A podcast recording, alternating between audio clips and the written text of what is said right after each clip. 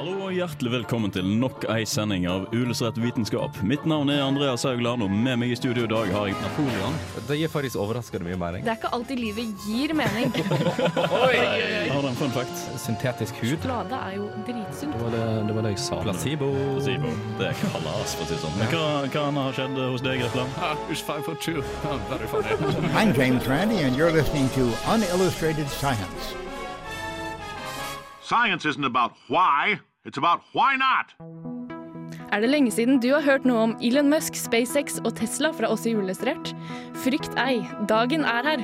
Vi tar for oss flere av de store, mangfoldige og essensielt crazy nyhetene og prosjekterte planene som har kommet hittil i 2017. Hallo og velkommen til denne ukas sending av Uillustrert vitenskap. Mitt navn er Andreas Haugland, og med meg i studio i dag har jeg Andreas. Hei! Jeg har Kristine. Hei! Og jeg har Martin. Hallo, hallo.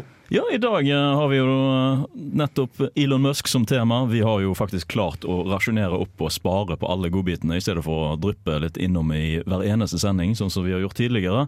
Så vi tenker at eh, vi kjører på og knuser alt sammen inn på denne ene timen her. Den mannen fortjener en sending for seg sjøl. Han fortjener en sending for seg selv. Vi skal snakke om så mange godbiter som f.eks. Uh, Tesla Model 3. Uh, det nye Big Falcon Rocket. Uh, Hva holdt du på å si? uh, nei, Big uh, Friggin' Rocket, selvsagt. Uh, sensurert for radio. Uh, og den, skulle, den presentasjonen var jo nå i slutten av september, så det er jo litt late. I tillegg skal vi snakke om uh, hyperloop og uh, elektriske lastebiler. Mhm. Uh, ellers, har dere gjort noe kult siden sist? Jeg har fulgt med på Elon Musk Du har fulgt med på og eh, lagt til enda flere bilder på mitt Elon Musk-alter som jeg har på rommet mitt. Ja, ok, Herlig. herlig Det, det er bra du òg har et sånt. Ja, Det er, Det er helt normalt. Godt å høre at vi er flere. Det er absolutt sant. Men før vi kommer så langt til det, og skal snakke om Tesla Model 3 og Tesla Semi, så skal vi faktisk få høre låten eh, 'Er vi aleine' av Hanne Kolstø. So, this is Richard Wiseman, author of 59 Seconds, and you are listening to Unillustrated Science. Enjoy. Hører du det? Den nye lyden i Norges forsteder? Kanskje så vidt, men jeg kan se at den er rød, har fire dører, og dashbordet består kun av et ratt og en LCD touchscreen. Jeg snakker selvfølgelig om Asker Bærums nye miljøvennlige maskot. Jeg snakker om Tesla Model 3. Bare en uke etter avdukingen i 2016 var det reservert 325 000 Model 3-biler. Tall som flatet seg ut i august på 455 000. Så man kan forvente å se en god del av disse kjøre gjennom bomringene rundt om fjellene og fjordene. Men la oss se på det litt mer interessante, altså det tekniske. Litium-ionebatteriene gir den en standard rekkevidde på 350 km. Og om det ikke er nok, så finnes det en oppgradert modell som gir en rekkevidde på 540 km. Den har en motor som gir 258 hestekrefter, og en standard toppfart på 210 km i timen. Så litt dragracing i lyskryssene er mulig, men det må sies at vi i Uillustrert vitenskap oppmuntrer ikke til slik oppførsel. Men hva om du tar sitat, en haug sluttsitat, med modell 3-motorer? Da får du Teslas nye semitrailer. Mye er fortsatt ukjent fordi den fortsatt kun er på prototypstadiet. Det sies derimot at den har samme energikapasitet som gassdrevne trailer i samme klasse. Spørsmålet er om dette er fremtiden. Tesla sier at den vil være billigere i drift enn dagens diesellastebiler, og dermed være en stor konkurrent på semitrailermarkedet. Nå kan jeg ikke forutse hvordan fremtiden blir, men etter å ha lest meg opp på disse elektriske luksusbilene, som kan få det til å si 'jeg kan ikke tro at MDG er et rødt parti', kan jeg anta, på tross av potensiell biedød, at fremtiden vil summe. I'm James Randi, and you're listening to Unillustrated Science. Ja, hva vil dere høre om først? Tesla. Alt i hele verden. Alt Tesla. Alt Tesla. Alle Teslaene. Superbilen Tesla. Superbilen Tesla, altså Model 3, da. Ja. Skal vi begynne med den? Ja. Greit, Ja, greit. vi kan kanskje begynne fra starten. Hvis du har noe fra starten? Om jeg har noe fra starten? Ja. Mener du den delen som forsvant, eller? Uh, i, nei, jeg tenker fra i bilmodellens utvikling. Det med at eh, det har vært et steg eh, Det har vært flere steg med, til å utvikle modeller og biler. Eh, sånn at nå når modell 3 kommer, så er det den kommersielle, tilgjengelige første bilen. Sånn som alle har. At det ikke er en superbil lenger.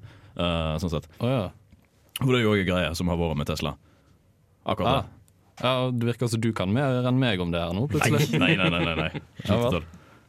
Nei, men i hvert fall, den blir den, den bilen med lengst rekkevidde av alle elbiler under 50 000 dollar. Ja. Uh, hvor mye det blir i norske penger, blir vel ca. 400 000-500 000. Det er omtrent der, ja. ja. Ja. Cirka. Pluss litt trekk i avgifter, da. Men nå skal de jo slenge på en ekstra Tesla-avgift. I Norge? Ja. Yes, mellom 77 000 avhengig av vekt. Det vil jo gå hardest utover Tesla X, som er den SUV-en de har. Ja, stemmer, stemmer. Men det er da en avgift som betales én gang. Ikke årlig avgift, får jeg håper. Fra det jeg har forstått, så er det Ja, herregud. 70 000 i året ekstra.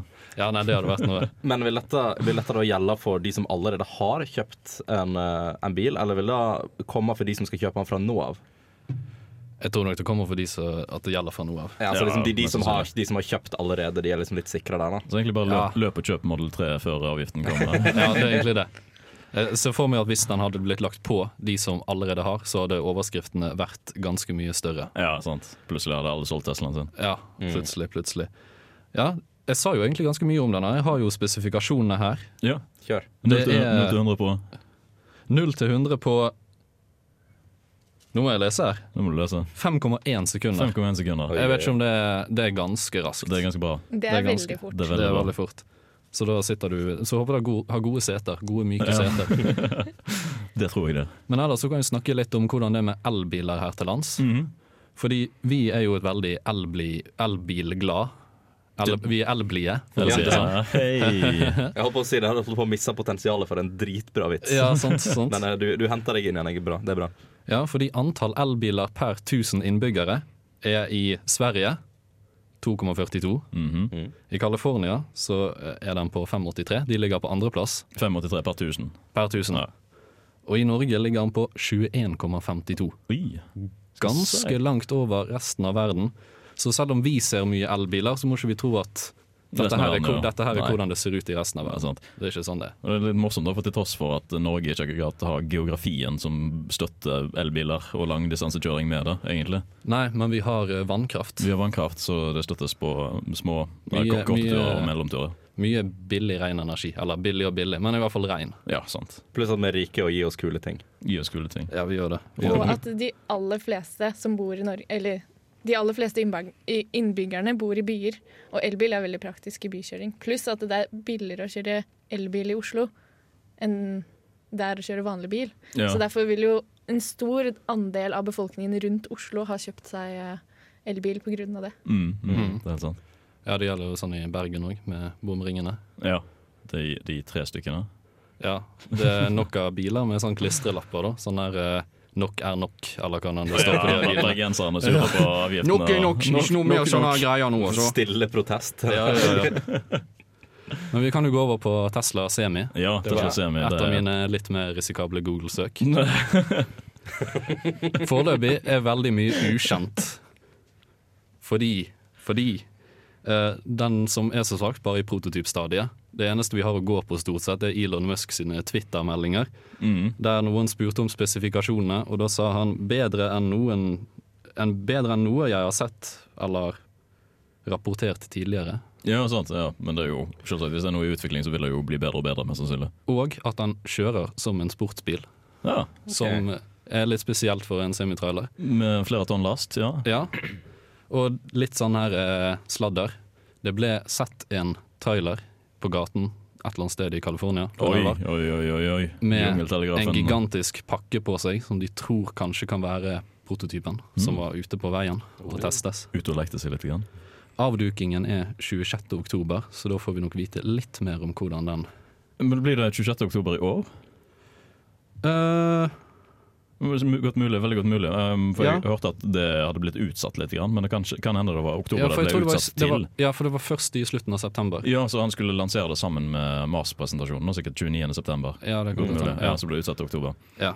Ja, og Grunnen til hvorfor det ble utsatt, var jo fordi de skulle bruke kapasiteten til batterier. Mm. Uh, det, det går jo utover Model 3-produksjonen òg, da. Eh, de skulle bruke kapasiteten til å produsere batterier til å hjelpe uh, katastroferammede områder, sånn som eh, orkanområdene nå eh, i eh, Mellom-Amerika, ja. eh, til å da skaffe de strøm eh, og energi, sånn at de kommer, kommer seg raskere på beina igjen. Ja. Ellers er det jo eh, greit. Vi har jo de der fabrikkene som driver og produserer alt det der batteristyret. Mm, mm. Den lille, lille søte bygningen. Den i- lille søte bygningen som heter. Gigafactory One. Det Giga høres ut som det er tatt rett fra sånn der Judge Dredd eller noe. En sci-fi Så kreativ på navnet, bare elsker det. Ja, men det er en giga fuckings factory. Ja, det kan, det Den kan er liksom så ikke svær. beskrives på noen annen måte. Det er den største bygningen uh, på overflata på jorda. Og ikke hele er ferdig bygd enda, men den er operativ. Så det, de produserer batterier der. Ja. Til men skal full. Produsere nok batteri til å produsere 500 000 Tesla-biler hvert år. 500 000 Tesla-biler. Ja. ja. Go green or go home. Go green or go home. Men vi skal òg se litt videre på andre alternative transportmidler. For det er jo noe annet som heter nettopp hyperloop, og det kommer her før vi skal prate om det. Si du skal reise fra Trondheim til Oslo i dag. Da har du en del valgmuligheter. Du kan ta fly, men det er dyrt og lite miljøvennlig. Du kan ta tog, for det er mer miljøvennlig og billigere, men det tar veldig lang tid. Hvis du skal kjøre bil, så er det både lite miljøvennlig og dyrt. Og sånn fortsetter det. Men hva hvis du kunne reise billigere, enklere, tryggere og raskere? Hva hvis du kunne bruke 30 minutter på å reise fra Trondheim til Oslo istedenfor 6,5 time? Det kan du sannsynligvis i fremtiden. Eller dine barn. Eller dine barnebarn. Dette pga. et fremkomstmiddel kalt hyperloop. Hyperloop er et transportmiddel der passasjerene reiser i en pod eller en kapsel som går i en tunnel der det er veldig lavt trykk. Kapslene går ikke på hjul, men de flyter på et lag av luft, akkurat som airhockey, og akselererer ved hjelp av magnetisme. Det høres ganske sci-fi ut, gjør det ikke det? Og er det i det hele tatt mulig? Ifølge Elon Musk er det meste mulig. Og han har mange løsninger på hvordan dette skal gjennomføres. Denne hyperloopen skal gå rimelig fort, og med økt fart så får man problemer med økt luftmotstand. I en ideell verden så skulle det vært vakuum i tunnelen, men det er veldig vanskelig å gjennomføre, så da nøyer de seg med trykk på omtrent 100 pascal. Sammenligning er atmosfæretrykket på havoverflaten omtrent 100 000 pascal. Hvor fort går det? Jo nærmere lydens hastighet, jo bedre. Og i teorien skal det kunne gå i 1000 km i timen på lange, strake strekninger, og 300 km i timen når det er svinger. Fordi hvis det skulle gått mye fortere, ville den bryte lydmuren, og trykkbølgene vil øke motstanden i tunnelen så mye at det ikke vil være verdt det sånn energimessig. Fordi det hele skal drives av solcellepaneler, og selve farkosten skal gå på batterier, og hvis det skal gå i det hele tatt, så må alt være så energieffektivt som mulig. Det oppnår de med airhockey-luftputen som kapselen skal sveve på. Den krever bare aktivt energi når det står i ro, fordi i fart vil aerodynamikken gjøre at den holder seg oppe, omtrent som vingene på et fly. Akselerasjonen og bremsingen skal skje via magnetisme, en såkalt lineær induksjonsmotor, som ligner på den motoren man finner i Tesla S. Så teknologien fins allerede, den må bare settes ut i live. This is Alan Moore, and you're listening to Unillustrated Science. Det er jo et utrolig fascinerende konsept, dette, her, for det krever jo så sykt mye teknologi. Men heldigvis har vi jo det meste allerede fra før. Som du sier, den motoren vi har i Teslaene, vi har svevemekanismen fra jeg i lufthockey-brettet. Ikke direkte sånn, men eh, Nei, men det, det er jo en Sånn som jeg har forstått det, da, en luftkompressor bare. Den tar inn luft fra foran i eh, fartøyet, hva jeg skal kalle det, kapselen. ja. Og så eh, fordi det vil jo bygge seg opp luft foran som skaper luftmotstand, men hvis den suges inn, så vil det jo bli mindre luftmotstand, og det er positivt. Mm. Og den lufta kan du bruke da til å pumpe under eh, kapselen, sånn at den holder seg oppe. ja, akkurat. Ja. Så du, du rett og slett bare omplasserer lufta, sånn Ja. at det kommer på riktig plass der du trenger den. Og dette skal visstnok være veldig energieffektivt, da. Ja, det er det. Det er jo for Hvis du ser på de svevetogene som de har tenkt på å utvikle tidligere, da, som faktisk har vært svevetog med superledende magneter og sånt, så har jo ikke akkurat det vært enkelt å gjøre pga. nettopp det ikke koster lite. Det koster veldig mye. Ja, og det var det som var en av greiene da, til at de tenkte at vi kanskje ikke skulle bruke magneter likevel. Mm. Fordi magnetene er kjempedyre. Og eh, faktisk, da dette her ble utvikla, så var ideen eh, Det ble sagt som et alternativ da, til en eh, slags høyhastighetstog de skal lage i California. Ja.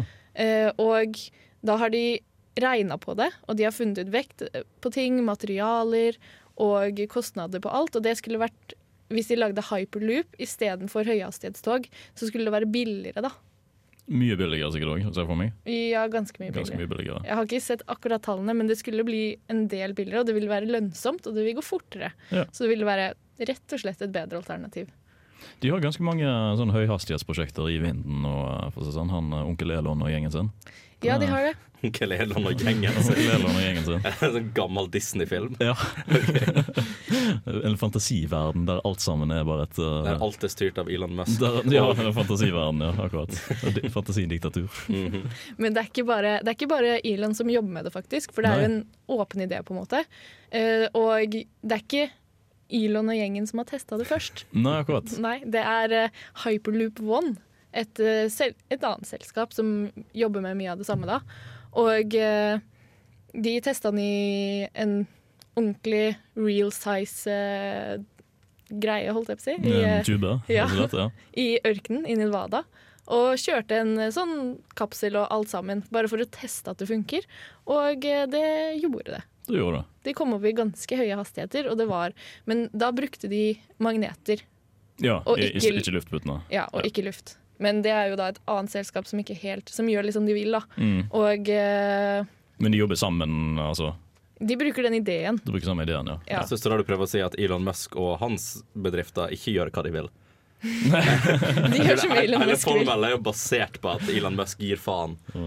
This is gonna work, let's make it happen. Ja. Nei, I will hire you to make this happen. Det er sånn, jeg ser for meg at det er en sånn feberdrøm. Bare våkne opp og så bare Du gutter, vi skal ikke prøve å lande en rakett på en liten plattform. Bare sånn let's Ja. go. Jeg kjeder meg. Det virker litt sånn. Nei, hyperloopen til Elon Musk, da, den eh, har de ikke. De har jobber med å lage et design på selve den som skal bære alle menneskene. Mm. Så de har ikke kommet helt dit til at de har laget det designet ennå, da. Nei, så basically nå er det bare en kapsel som kjører i en tube i veldig stor hastighet, egentlig. Ja. Ja. Så de eh, har en konkurranse hvor de skal lage et design, også. Ja. i 2018 så skal det testes, da. Kult. Så da er det bare å glede seg til 2018. 2018. Det blir et veldig spennende år, for da har de òg planlagt å lansere Falcon 9 modell 2, så vidt jeg vet. Ja. Ja, Som stemmer. jeg eh, gleder meg til å se. Forhåpentligvis også ser vi jo litt mer utvikling i det som jeg kom inn på litt senere, da, dette her med The Boring Company. Mm. Uh, for de, òg- ja, de, de begynner jo på det begynner, begynner jo på det etter hvert òg i 2018. Men altså, det er vel de òg som De skal vel bruke samme maskiner, hvis ikke jeg tar feil, til å både utvikle gangene for hyperloopen og, um, og for uh, ja, The Boring Company, da, som liksom utvikler veier. Stemmer, stemmer. Ja, det, det gjør det. Basically. For uh, hyperloopen kan gå, den kan gå både i tunneler under bakken, noe som er veldig praktisk enkelte ganger, men så kan det også gå på stolper i overbakken. Ja, Som en sånn futuristisk tube. Ja, det er jo fremtida! Ja, rett og slett. It's the future. Og dette skal også være ganske enkelt, relativt enkelt, å få til, da. Mm. Basert på beregningene. Og, og både lage det over bakken og under bakken og eh, i svinger og hele pakka. Bare overalt. Overalt. Overalt. Må ha en ganske stor svingradius for å få alt dette til å funke. Skal du ut og Ja, hente det posten, må det ha. ta hyperloopen. Ta hyperloopen. Men vi skal da videre til Warren Company om litt, grann, men før vi kommer så langt som det, så skal vi høre Svakkegutten av Hjelp. Science isn't about why, it's about why not. Why is so much of our science dangerous? Why not marry safe science if you love it so much?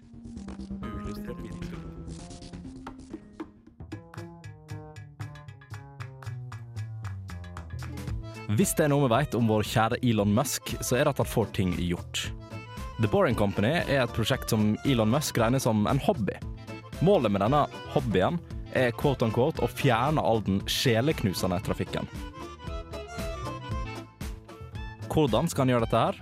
Tunneler, selvfølgelig. Hvorfor? Fordi han tweeter om det. Prosjektet i seg sjøl går ut på å lage et tunnelsystem med flere lag under bakken. Det høres ganske rett fram ut, og selve ideen er i grunnen det, men gjennomførelsen kan bli litt verre. Grunnlaget for å kunne bruke tunneler i stedet for noe annet er ganske bredt. Elon Musk sier at den eneste løsningen på trafikkproblemet er å gå i 3D. Ene veien å gå i 3D det er oppover, da med tanke på flygende biler, men det vil være altfor mange forstyrrelser til å kunne få til skikkelig. Tunneler derimot kan i teorien bygges i hundrevis av lag nedover, og de er immune mot været, og ingen kommer til å se at de i hele tatt blir bygd.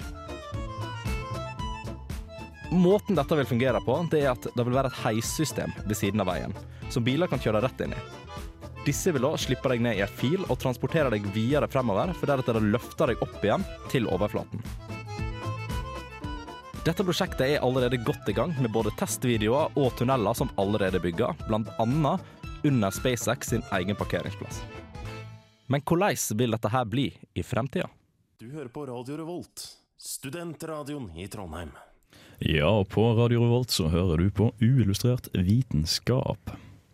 Boring Company er jo veldig fascinerende eh, konsept, egentlig. Det høres jo rett og slett ut som det er dratt rett ut ifra en sci-fi-film. Ja, jeg kan se for meg at det er Ja, absolutt. Jeg, jeg synes det er skikkelig artig. Jeg først begynte å Jeg kunne ikke så mye om dette fra før av, men når jeg begynte å lese på det nå, uh, så er det bare sånn mind-baffling.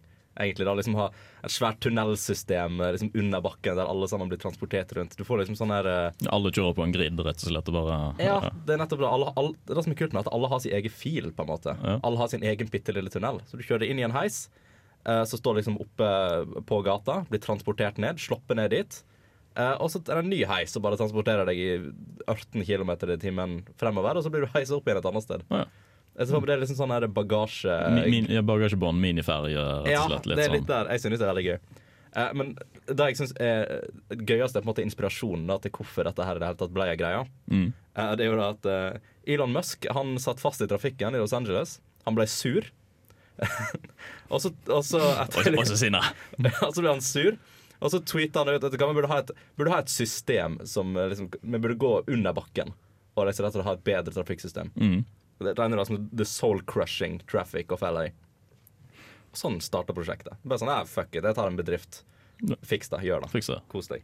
Make it Eh. Og det skal jeg faktisk begynne nå i, om et par måneder etter det jeg har fått med meg. Så skal jeg faktisk begynne å liksom utvikle selve tunnelbanen da, under Los Angeles. De har jo begynt allerede eh, utenfor ja, på det som jeg nevnte da, parkeringsplassen under SpaceX, så er det jo en tunnel. Uh, og det er jo der på en måte startpunktet skal være. Så de bare tok en sånn tunnelboremaskin med seg bort til parkeringsplassen ved Ja, ja, for der trengte de ikke å søke om løyve, siden de allerede eide det.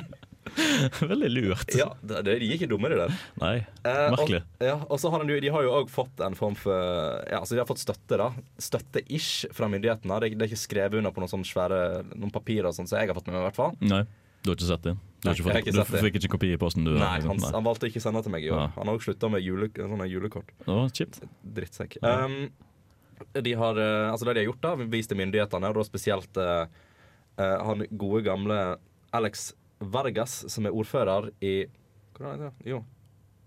Hotworth, eller hva det heter der. Hotworth. Hotworth. Det, det, Sikkert et sted. Lite sted i Los Angeles. Der, da. Ja. Uh, og så er det liksom det han har på en måte tatt med rundt på visninger. Han har vært sånn skikkelig Prøvd nesten sånn smøre han opp, holdt jeg på å si.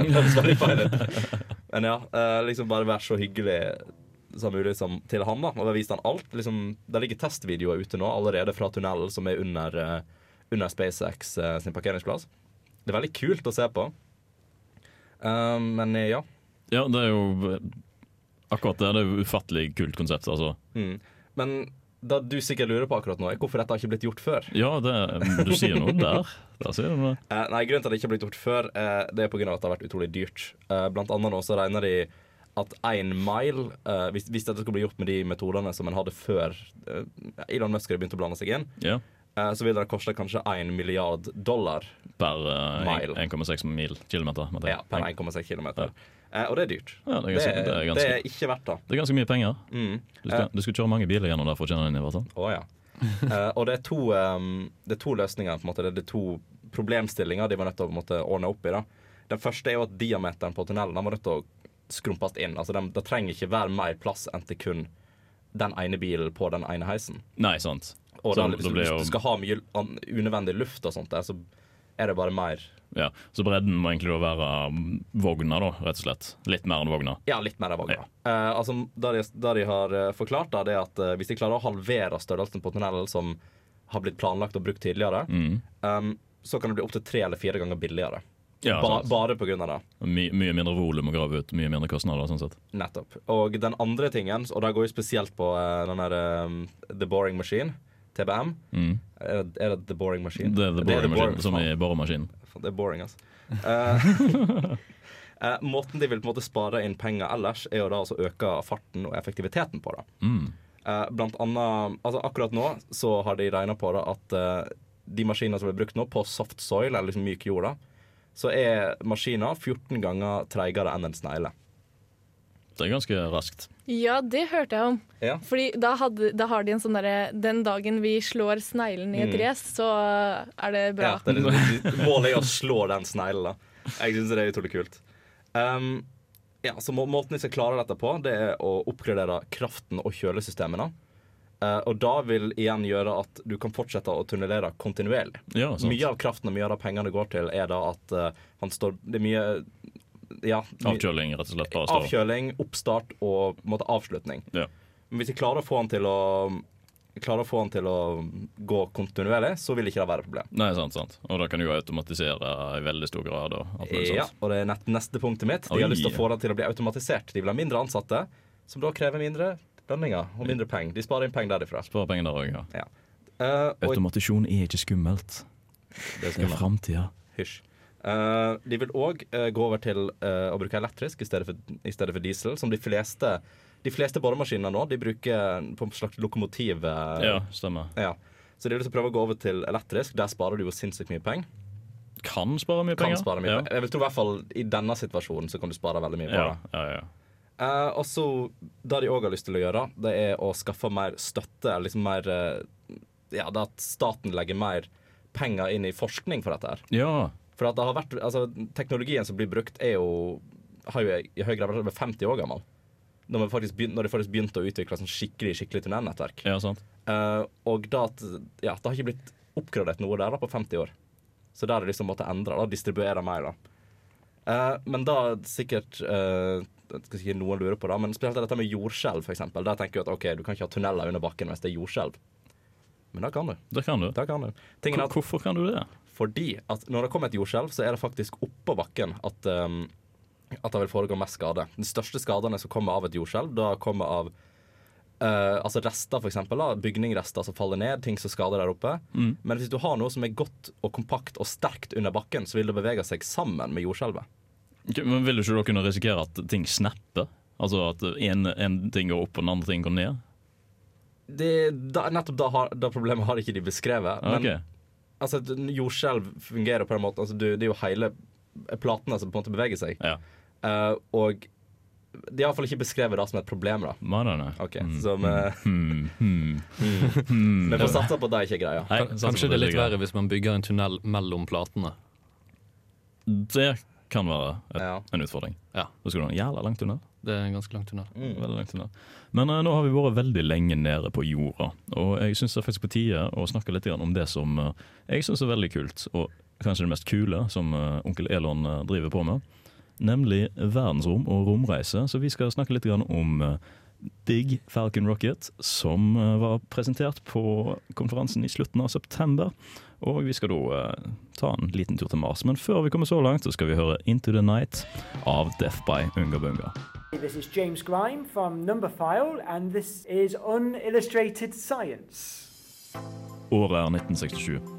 På oppskytningsrampen ved Kennedy Space Center står en Saturn 5-rakett med Apollo 4 klar til å testes for første gang.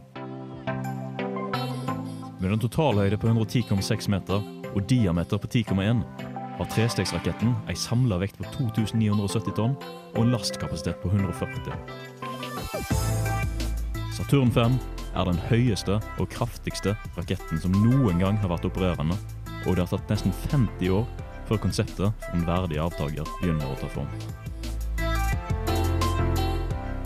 Den 29. september i 2017 la Elon Musk og SpaceX frem sitt nye forslag på hvordan menneskeheten skal nå Mars, og til å bli en multiplanetarisk rase. Prosjektet med kodenavn BFR, Big Falcon Rocket, eller Big Fucking Rocket. Raketten med sine boostere er 106 meter lang, 9 meter i diameter og har en lastkapasitet på 150 tonn.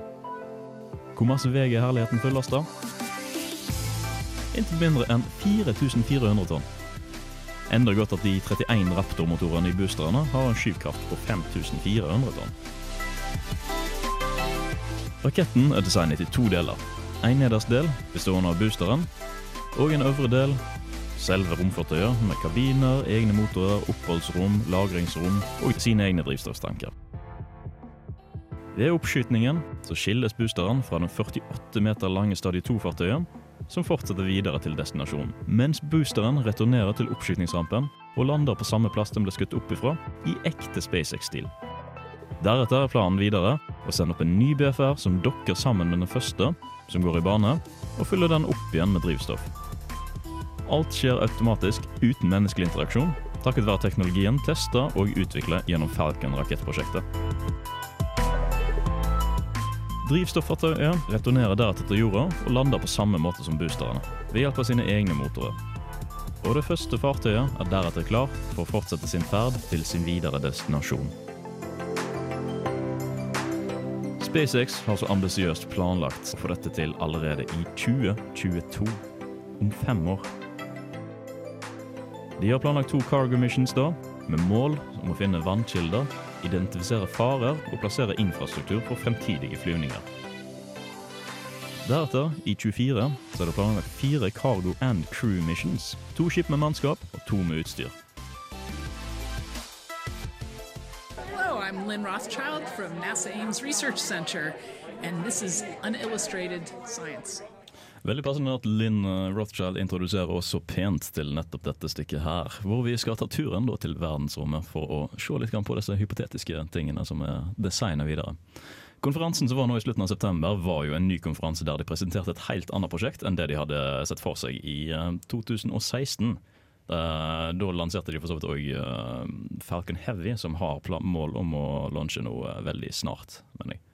Og det veldig spennende, fordi uh, det kan brukes til så mye, dette her. Målet er at uh, BFR skal kunne erstatte f.eks. Falcon 9-rakettene, som brukes til å resupplye ISS, altså Mm. den internasjonale Ja, ja. Um, og det kan brukes til eh, månelanding, og det kan brukes til uh, ja, Mars, som det er faktisk da designa for.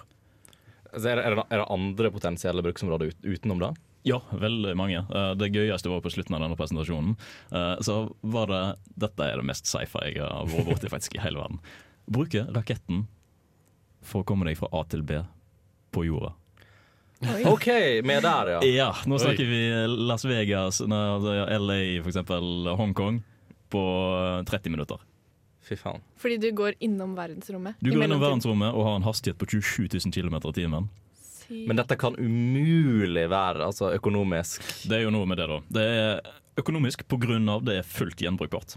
Raketten er fullstendig gjenbrukbar, er målet. Uh, I verste fall bare 70-80% gjenbrukbar. Men, men ikke drivstoffet? Som Drivstoffet er jo uh, ikke det, Nei. men det er, det er ganske billig. Vet du hvorfor? For Fortell. Liquid cryomethane oxide. Metan, CH4. Oksygen, O2. Mm.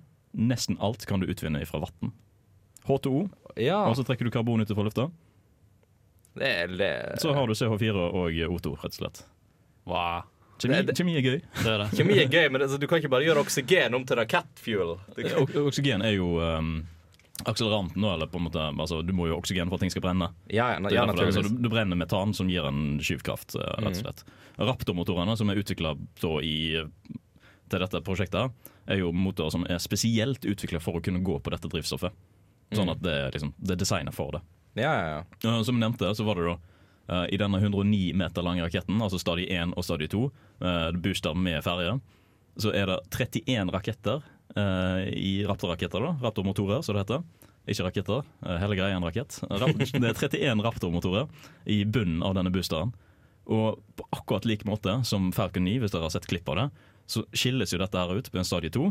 Og så flipper den ned, og så fører den tilbake til en landingsdestinasjon. Det er målet med dette her òg, og det skal lande så innsides presist at det skal lande oppå de samme beinene de skytes opp ifra. Fy faen. Oh. Så uh, dette her er egentlig første gangen noen har laget noe som du kan Star Wars-ligne, liksom. Bare, Ja, dette her er Star Wars-landing, liksom. bare lande, og så ta av, og så lande et sted. Og så kan du bruke den samme til å ta av derfra igjen. Ja. Eh, nå vil jo ikke ferja vil, Ferja vil jo ikke lande oppå boosteren. Den vil lande ved siden av boosteren hvis den skal tilbake til et sånt sted. Ja. Men uh, likevel, da er det bare å heise det opp med en kran, og så montere, så good to go. Kan vi starte en underskriftskampanje på at Elon Musk skal endre navnet fra BFR til Millennium Falcon? Nei. Det ligner ikke. Det ligner ikke. Ikke litt. Men Nei, nei, nei, men konseptet. Ja, jo, ja, Alt han trenger, er et par, altså, et par laservåpen. Da, da ordner han. Da ordner Det er. Musk. Han fikser det. De har allerede utvikla laservåpen. Ja, sant. Ikke sant? Jeg tror, jeg, tror, jeg tror det kommer til å funke. Det kommer til å slå an. Dette, det dette er egentlig bare en sånn stor plan om at Elon Musk skal gjøre Mars om til en sånn Death Star. Og så begynner de å skyte tilbake på oss. Men den heter jo Big Falcon Rocket. Ja, Millennium, ja, Millennium Falcon Rocket. Ja, Ja. så Det er en connection der. Det er nærme nok. Er Det nærme nok, ja. Bra jobba, Musk. Bra jobba. Det er jo uh, sammenlignbart. Dette har jo brukt teknologi, teknologi uh, som er fra Falcon 9-raketten, eller Falcon, hele Falcon-prosjektet. Og det Falcon-prosjektet har jo vært for å i hovedsak resupply ISS med, mm, med materiale, Mm. og du får testa ut eh, potensielt dritbra varmeskjold som klarer å ha en uh, gjen-entrance da, i atmosfæren uten å brenne opp og bli krasja eller ødelagt. Uh, Så teknologien der bruker de videre nå til å gjøre det i et langt større uh, okay. kapittel.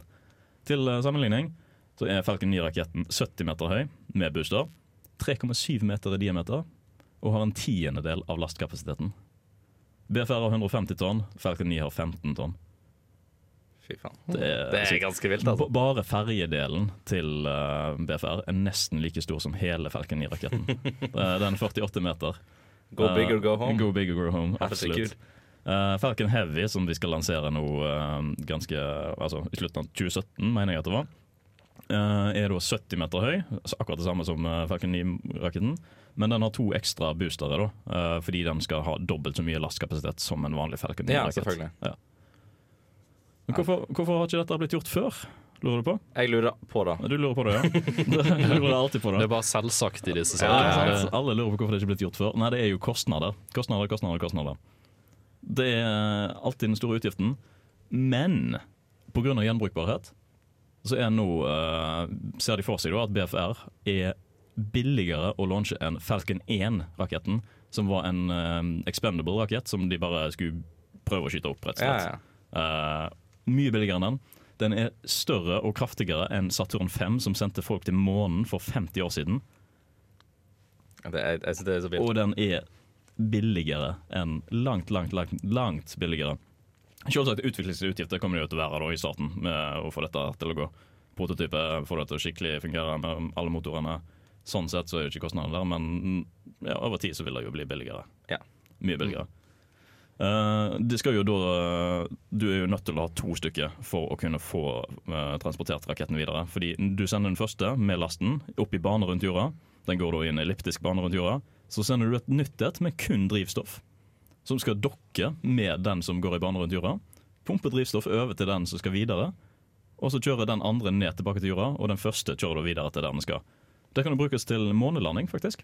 Så, så da, da bare bruker de det, altså bare typ, slipper han ut av bane på den nøyaktig perfekte tidspunktet og bare dra til månen da, etter han har refuela.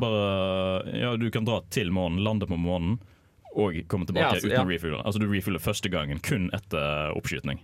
Det er først eneste gangen. Altså du Oppskytning, ut i bane, refuele, så kan du kjøre til månen, lande, kjøre tilbake. Uten refuel. Altså, ser, dette er jo akkurat det de gjorde i The Martian. da. Ja, Det er jo det er veldig mye det samme.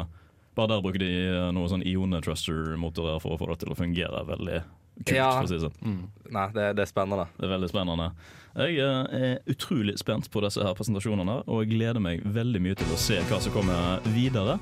Eh, før vi kommer så langt til at vi må begynne å runde av dagens sending, så skal vi høre 'Nothing to Lose' av Oslo Oscillator. Jeg er Aksel Tidemann. Jeg jobber som forsker på kunstig intelligens ved Telenor Research, og du hører på uillustrert vitenskap. Og Det har jo vært en sykt innholdsrik sending i dag, og jeg er helt sikker på at vi kunne klart å prate evig mye lenger om alt som eh, vi har snakket om. Absolutt. Så det eneste til slutt så er det bare å anbefale å sjekke opp nettopp disse presentasjonene og alle videoene om tingene vi har snakket om. Tesla Underground, Boring Company, Hyperloop. Sjekk ut presentasjonen fra 29. oktober, oktober, september. Unnskyld. Elon Musk er en klein kis, men han er en fuckings genial mann som driver med alt dette her. Jeg håper dere har kost dere med dagens sending. Eh, vi kommer til veiens ende nå om litt. Grann. Eh, hvis dere har lyst til å høre mer av uillustrert vitenskap, så kan dere sjekke det ut på ulike podkasttjenester, deriblant iTunes, og sjekke ut sendingene på radiorevolt.no. Kontakt oss også på Facebook. for å sjekke ut uh, om Ja, for å gi oss en ting dere har lyst til å prate om, rett og slett. Mitt navn er Andreas Haugland, og det har vært en fryd å ha dere med i studio i dag og høre på oss. Tusen takk til deg, Andreas, og Kristine, og Martin. Ha det bra. Ha det bra.